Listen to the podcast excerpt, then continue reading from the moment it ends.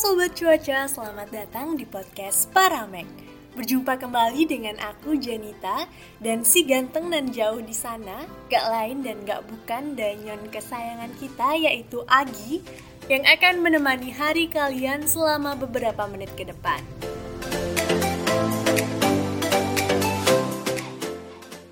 Oh iya Gi, gimana nih kabar kamu hari ini? Bangka Belitung aman kan? Alhamdulillah kabar baik J. Di Bangka juga kasus coronanya udah mulai turun. Dan aku juga udah vaksin lengkap. Kalau JJ di Lombok kabarnya gimana? Oh iya, hari ini kita mau bahas apa ya J? Aman dong, rata-rata juga sudah pada vaksin di daerahku. Well, today we're going to discuss weather phenomena, khususnya tornado dan kawan-kawannya, yang mungkin sobat sekalian juga belum tahu apa bedanya. So, buat sobat cuaca, happy listening and enjoy!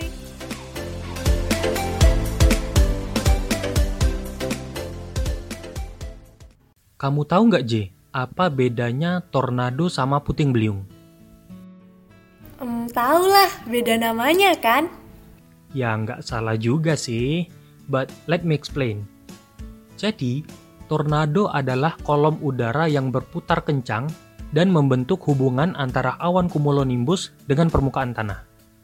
Umumnya, tornado memiliki kecepatan sampai lebih dari 177 km per jam dengan rata-rata jangkauan 75 meter dan menempuh beberapa kilometer sebelum menghilang.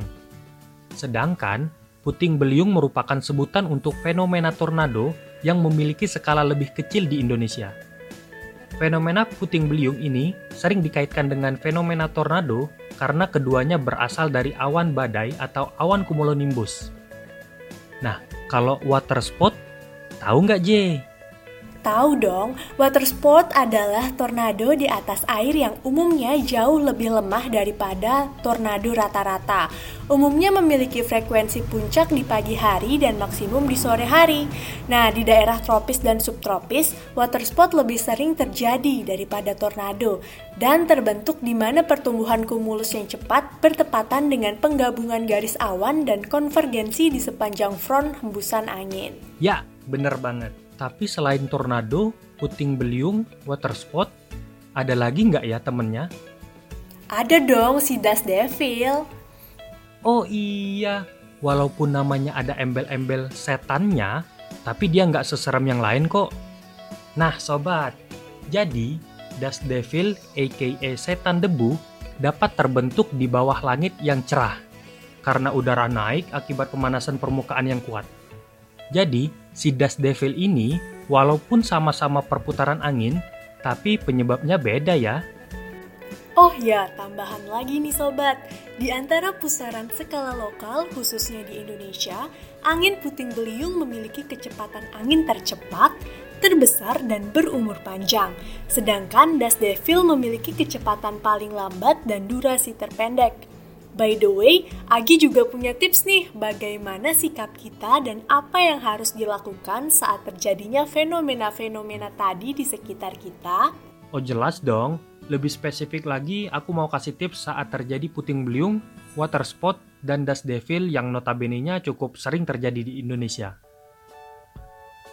Saat bencana terjadi, hal pertama yang harus dilakukan adalah membawa masuk barang-barang yang ada di luar ke dalam rumah agar tidak terbang tersapu angin. Jika sudah, tutup dan kunci seluruh pintu dan jendela, lalu matikan semua aliran listrik untuk mencegah terjadinya korsleting yang bisa memicu kebakaran. Kemudian, apabila terlihat ada potensi terjadi petir, segera jongkok dan bungkukan badan ke lutut sembari kedua tangan mendekap lutut atau kaki. Jangan bertiarap di atas tanah. Nah, untuk dust devil, walaupun fenomena tersebut tidak terlalu berbahaya, tapi untuk sobat tetap diusahakan untuk jaga jarak dengan pusaran anginnya ya. Terakhir, aku juga mau nambahin nih, biar sobat semua update tentang cuaca di daerah kalian dan mengetahui terjadinya bencana maupun potensi terjadinya bencana, sobat dapat mendownload info BMKG di iOS maupun Android. Dan jangan lupa untuk memfollow Instagram, YouTube, dan Twitter info BMKG. Wah, gak kerasa ya waktunya. Mungkin dari kami cukup menemani sampai sini dulu. Untuk sobat sekalian, jangan lupa untuk menjaga kesehatan dan tetap semangat. Sekian podcast dari kami. Saya Jenita. Dan saya Agi pamit undur diri. Nantikan terus pembahasan menarik mengenai cuaca lainnya. Terima kasih dan sampai jumpa.